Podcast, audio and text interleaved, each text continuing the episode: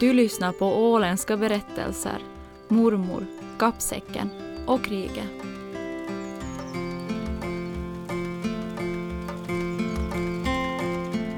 Och en viss otrygghet måtte jag ju ha känt för hela mitt första skolår.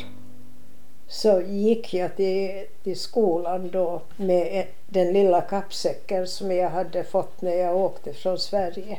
Och där hade jag alla mina viktigaste saker. Den bar jag av var varje dag. Min mormor Maria Perama föddes 1937 i Helsingfors och var då familjen Mietinens enda barn. Mamma Svea jobbade i varuhuset Stockman som pälsförsäljerska och pappa Eino var chaufför. Han, liksom många andra finländska män, kallades in när kriget bröt ut. Och min mormor blev ett av de cirka 70 000 finländska barn som under vinter och fortsättningskriget evakuerades till Sverige. Världshistoriens största barnförflyttning har det kallats. Jag vill höra hennes historia. Första gången var jag ju med mamma, jag var två år. Mamma åkte med mig, en jämnårig kusin och en äldre kusin. Och min mamma var med för att tolka. Hon kunde ju både finska och svenska. Så hon var på det sättet med där och hon åkte, hon åkte omkring dagarna i ända tillsammans med någon i, till de olika ställen där det fanns sådana här barn placerade. Men då var vi ett halvt år och sen åkte vi antagligen alla tillbaka till, eh, till Finland. Men det skulle inte dröja länge innan mormor skickades iväg alena. Men hennes minnen från den resan, som hon gjorde för 80 år sedan, är vaga. Jag ser en bild och nu kan det hända att det är från något foto efteråt men jag har alltid haft den här bilden av den här ensamma lilla flickan som hade en mörk kappa och en lapp här på bröstet. Där var ju adressen. Och jag sitter jag ser det som ett stort skrov egentligen, där jag sitter alena. Jag ser inga människor där. Och nu vet jag ju i mitt innersta också vad den där båten hette och att det fanns massor av barn där. Men jag ser ingen annan. Jag upplevde väl en total ensamhet. Och några spångar fanns där, där man skulle gå. Men hur vi sov.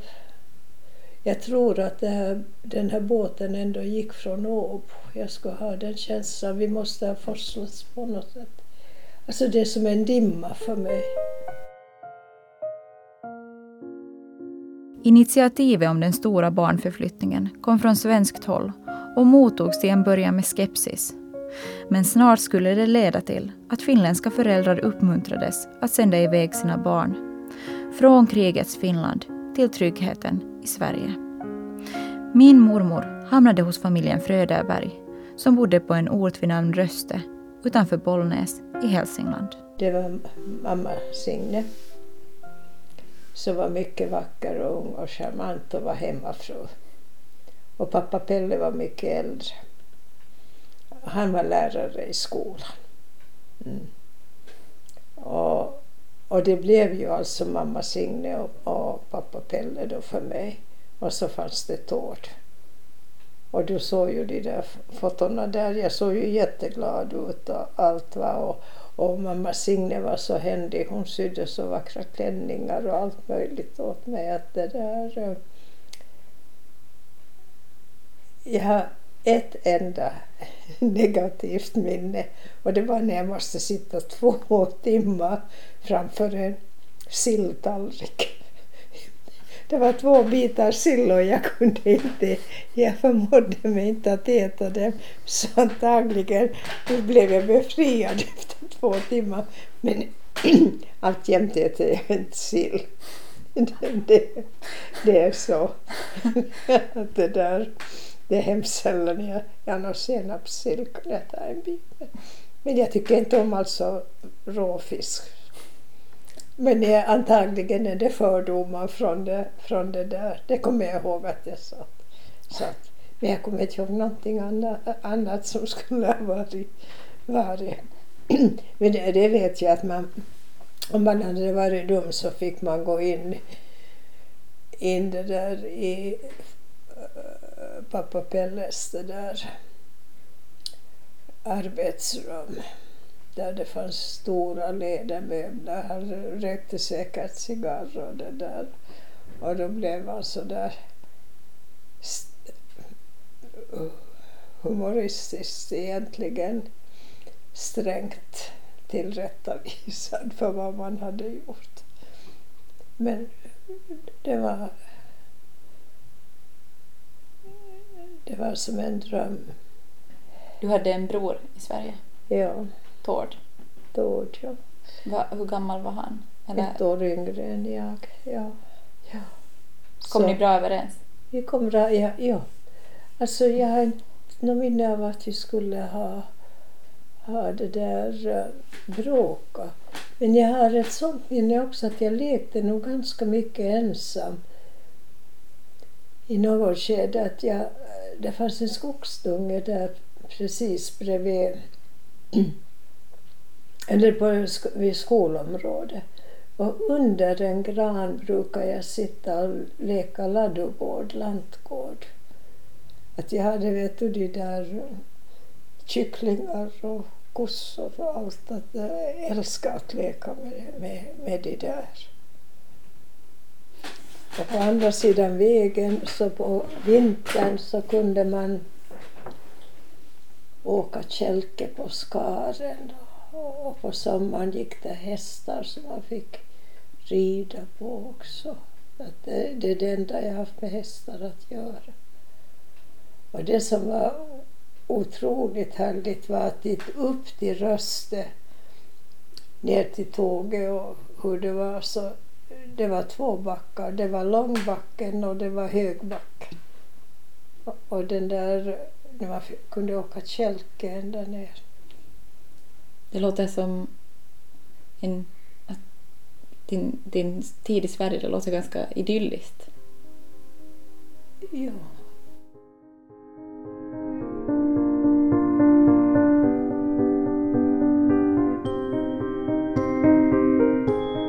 Men mormor kom inte att tillbringa hela krigstiden i Sverige. När det var lugnare i Helsingfors tog hennes mamma hem henne. Och det var ju vackert i och för sig.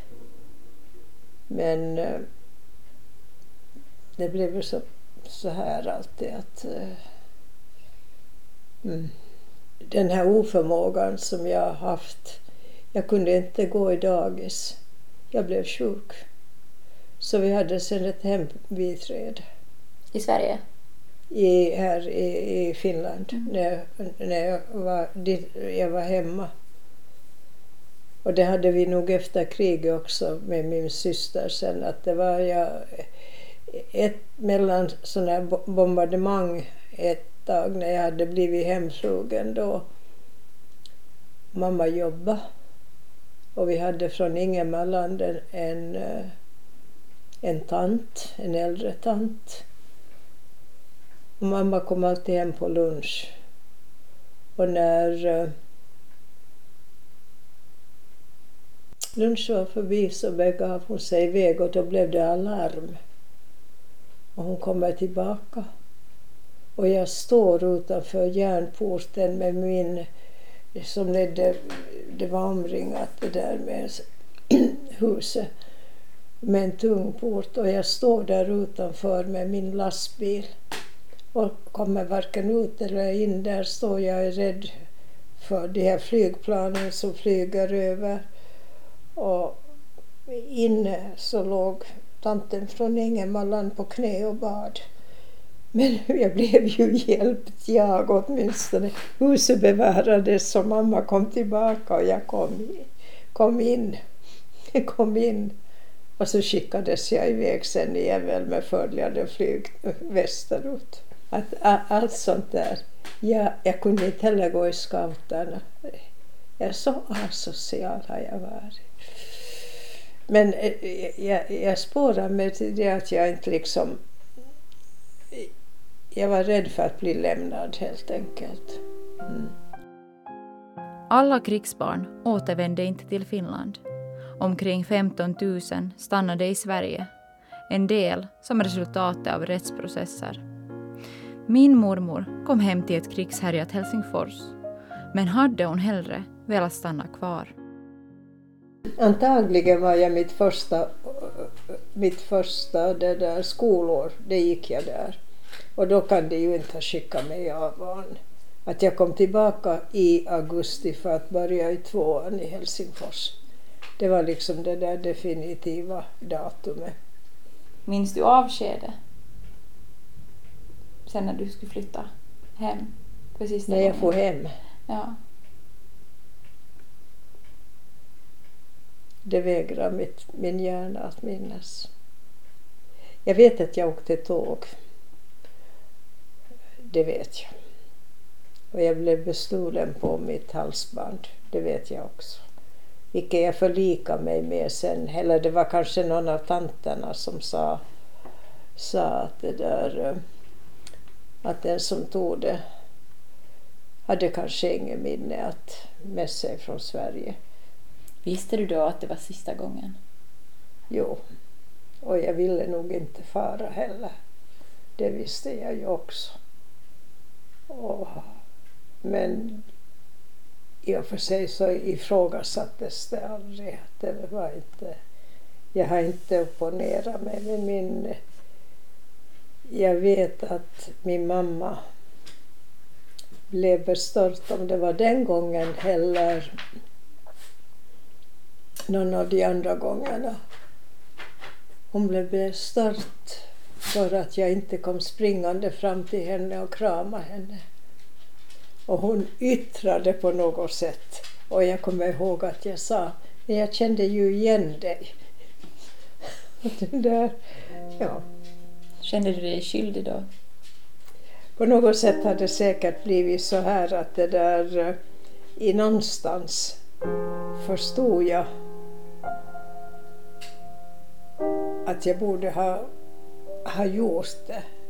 Men när jag egentligen inte ville komma hem så, så blev det det här att jag kommer då långsamt gående.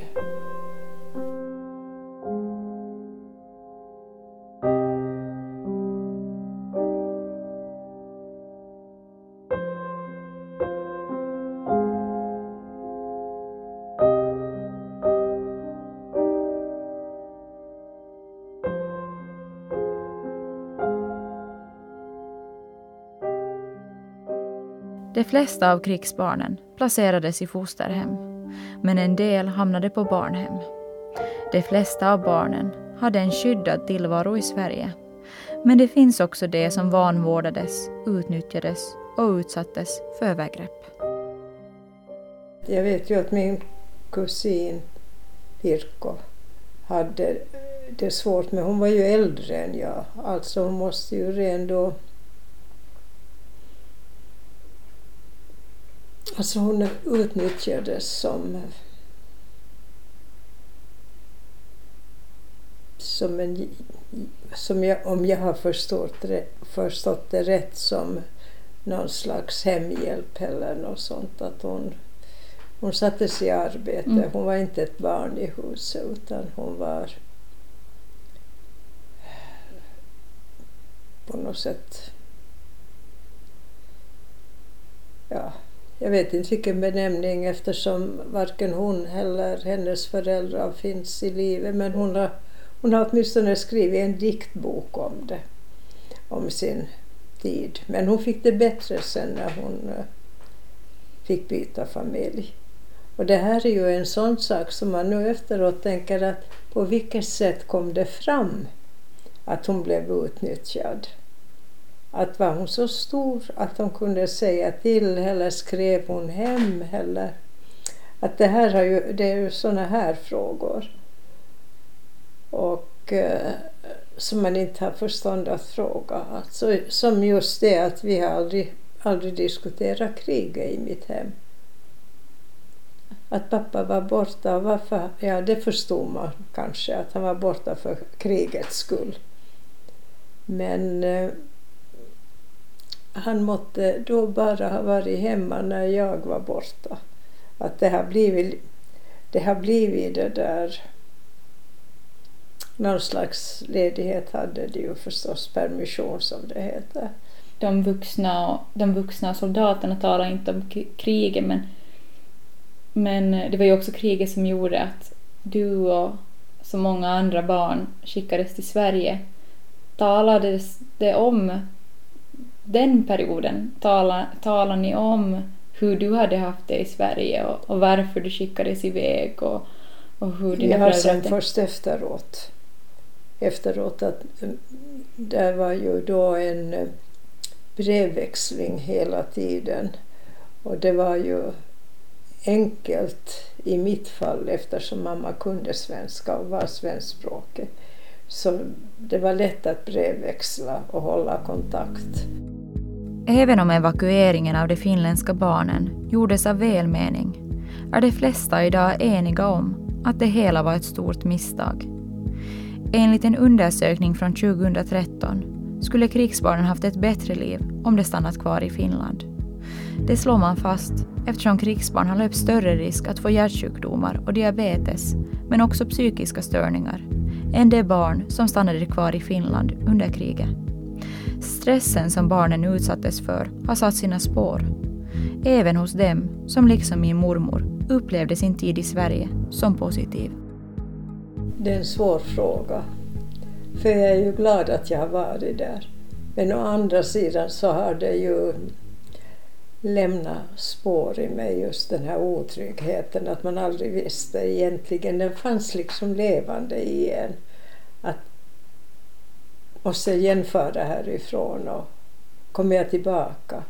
Och, och det blev ju smärtsamt på så sätt att visst trivdes jag ju hemma. Det var ju inte alls fråga om det. Att det också var slitsamt att igen åka därifrån. Och, och det var lika slitsamt, om inte ännu värre, att lämna sin bror så att säga där i Sverige och den familjen där jag trivdes jättebra. Så, och den där lilla kappsäcken. Så det var väl nog ett tecken på det att jag hela det första året då hemma bar på den av och an. Att, eh, och jag har ju spår av det alltjämt det här, den här otryggheten och, och svårigheter att lita på att, eh, att någon tycker om mig eller något sånt. Att uh, känna mig ofta utanför. Och det är inte bara jag av de här eh, alla krigsbarn utan det är många som har, har den känslan. Det har ju varit svårt för eh, barn som där har levt i en viss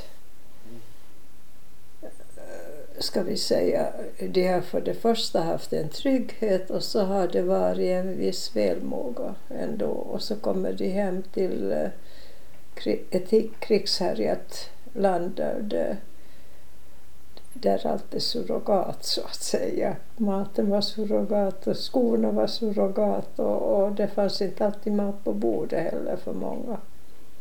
Så och sen känner jag en annan här på Åland som stannar här på Åland. Hon blev ett krigsbarn på Åland.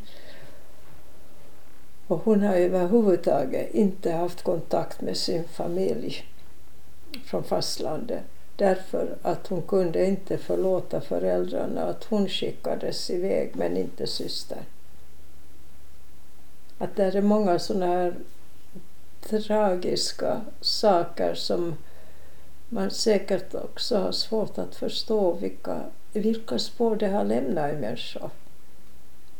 Alltså jag vet inte, det var ju många som stannade kvar i Finland och, och de som hade möjlighet skicka sina barn till områden där, som inte bombarderades och, och där det fanns mat. Att det är ju många som inte var hemma i sitt eget hem men i sitt fosterland så att säga. Men, men jag tror att jämfört med de läger som finns nu överallt i världen där, vi har ju alla sett bilder på hur det ser ut och hur de här barnen går omkring i trasor och är hungriga och får ingen skolgång och, och det här. Att jämfört med det så, så har det ju ändå varit bättre att skicka iväg till Sverige då som tog emot barnen och, och väl ändå i de flesta fall gav ett hem åt dem. Ett värdigt hem. Du beskriver ju din vistelse i Sverige som något bra och fint som du inte skulle vilja vara utan. Men samtidigt säger du att det har satt spår. Mm. Att det är en, liten, Jo, en ambivalent känsla. Ja, alltså. Men alla har vi ju spårat i vårt liv. Men när barn lever i, i en viss osäkerhet. Och det var ju mest det här att, att jag tror, men nu kan jag inte heller, det borde man kanske fråga en psykolog, om det hade varit bättre att jag hade varit i lugn och ro där. För sen kom jag ju hem till ett hem där mamma gick på jobb på morgonen och kom, kom det där eh, tillbaka sen och det var en främmande människa som skötte mig. Så den här... Man vet inte sen Men vad, vad, vad som är vi- vilka... Om det skulle ha varit bättre för mig att vara hemma och var, varit så här än att bli skickad och bli väl omhändertagen för att sen åka av barnet några gånger, tre, fyra gånger. Men det blir ju mycket för ett litet barn att jag tror... Jag vet inte. Det, det kan väl kanske ingen svara på heller. Hurudan jag hade varit och skulle vara nu om, om jag bara hade varit i Helsingfors under kriget. Jag vet att jag var hos min moster i något skede som igen hade en ko som inte tyckte om barn. Och jag var varnad för att i min röda rock gå nära kon. Så jag har varit rädd för kon hela mitt liv efter det. Ja, det har präglat dig i alla fall. Jo, det, det har präglat mig. Så att det där... Alltså med rädslor. Ja, jag tänkte ju då när jag var hemma i något skede och satt i bombskydd med alla mina dockor som skulle släpas med. Och det där... Och när jag säger det, det kommer jag ihåg och det har sen mamma också påtalat men det kommer jag ihåg. En sån ångest som bröt ut i mig. Och jag bad till Gud att, att det inte skulle vara krig när mina barn föds. Och inte när deras barn. Och så, hur långt framåt måste jag gå ungefär? Vet du, för det, det var den där rädslan och jag var ju oerhört rädd för flygplan efter, eh, efter kriget när jag hade kommit hem.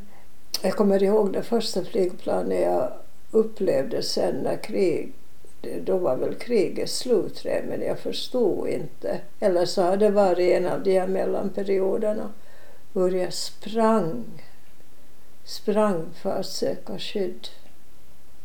Den här ångesten, den har jag nog alltså med världens barn. Jag kommer inte ifrån det. Det, det som är mardröm för mig, de här barnen som lever som de gör där ute i världen.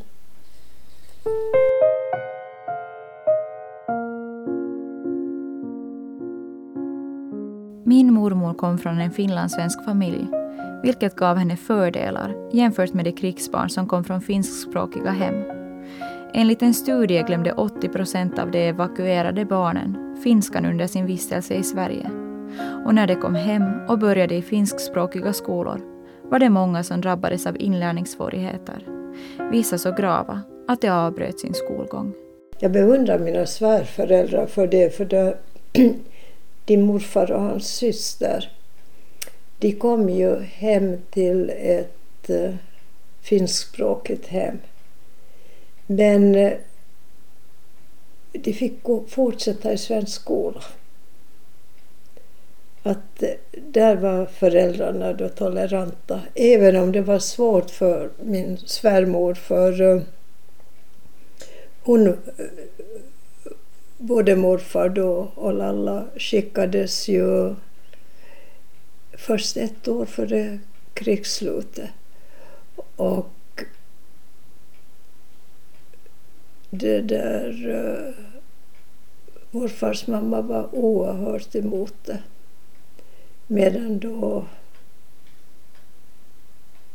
hennes man, morfars pappa, då tyckte att de skulle iväg för då, då upplevde många att det kanske ändå kan bli så att Finland förlorar.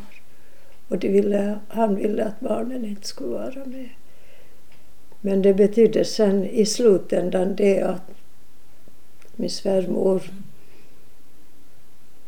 aldrig tolererade egentligen svenskan på det sättet att hon skulle ha lärt sig någonting. Han förstod ganska mycket och vi andra, vi råkade nu alla bli sen så svenskspråkiga där att eh, eftersom då både morfar och hans syster fick gå i svensk skola och, och vidare studera på svenska så vi blev ju alla så svenskspråkiga men eh, äh, farmor som vi kallade min svärmor för att vi skulle ha både det svenska och finska med där. När hon kom in i ett rum så försökte alla sen byta språk och det blev lite konstlat.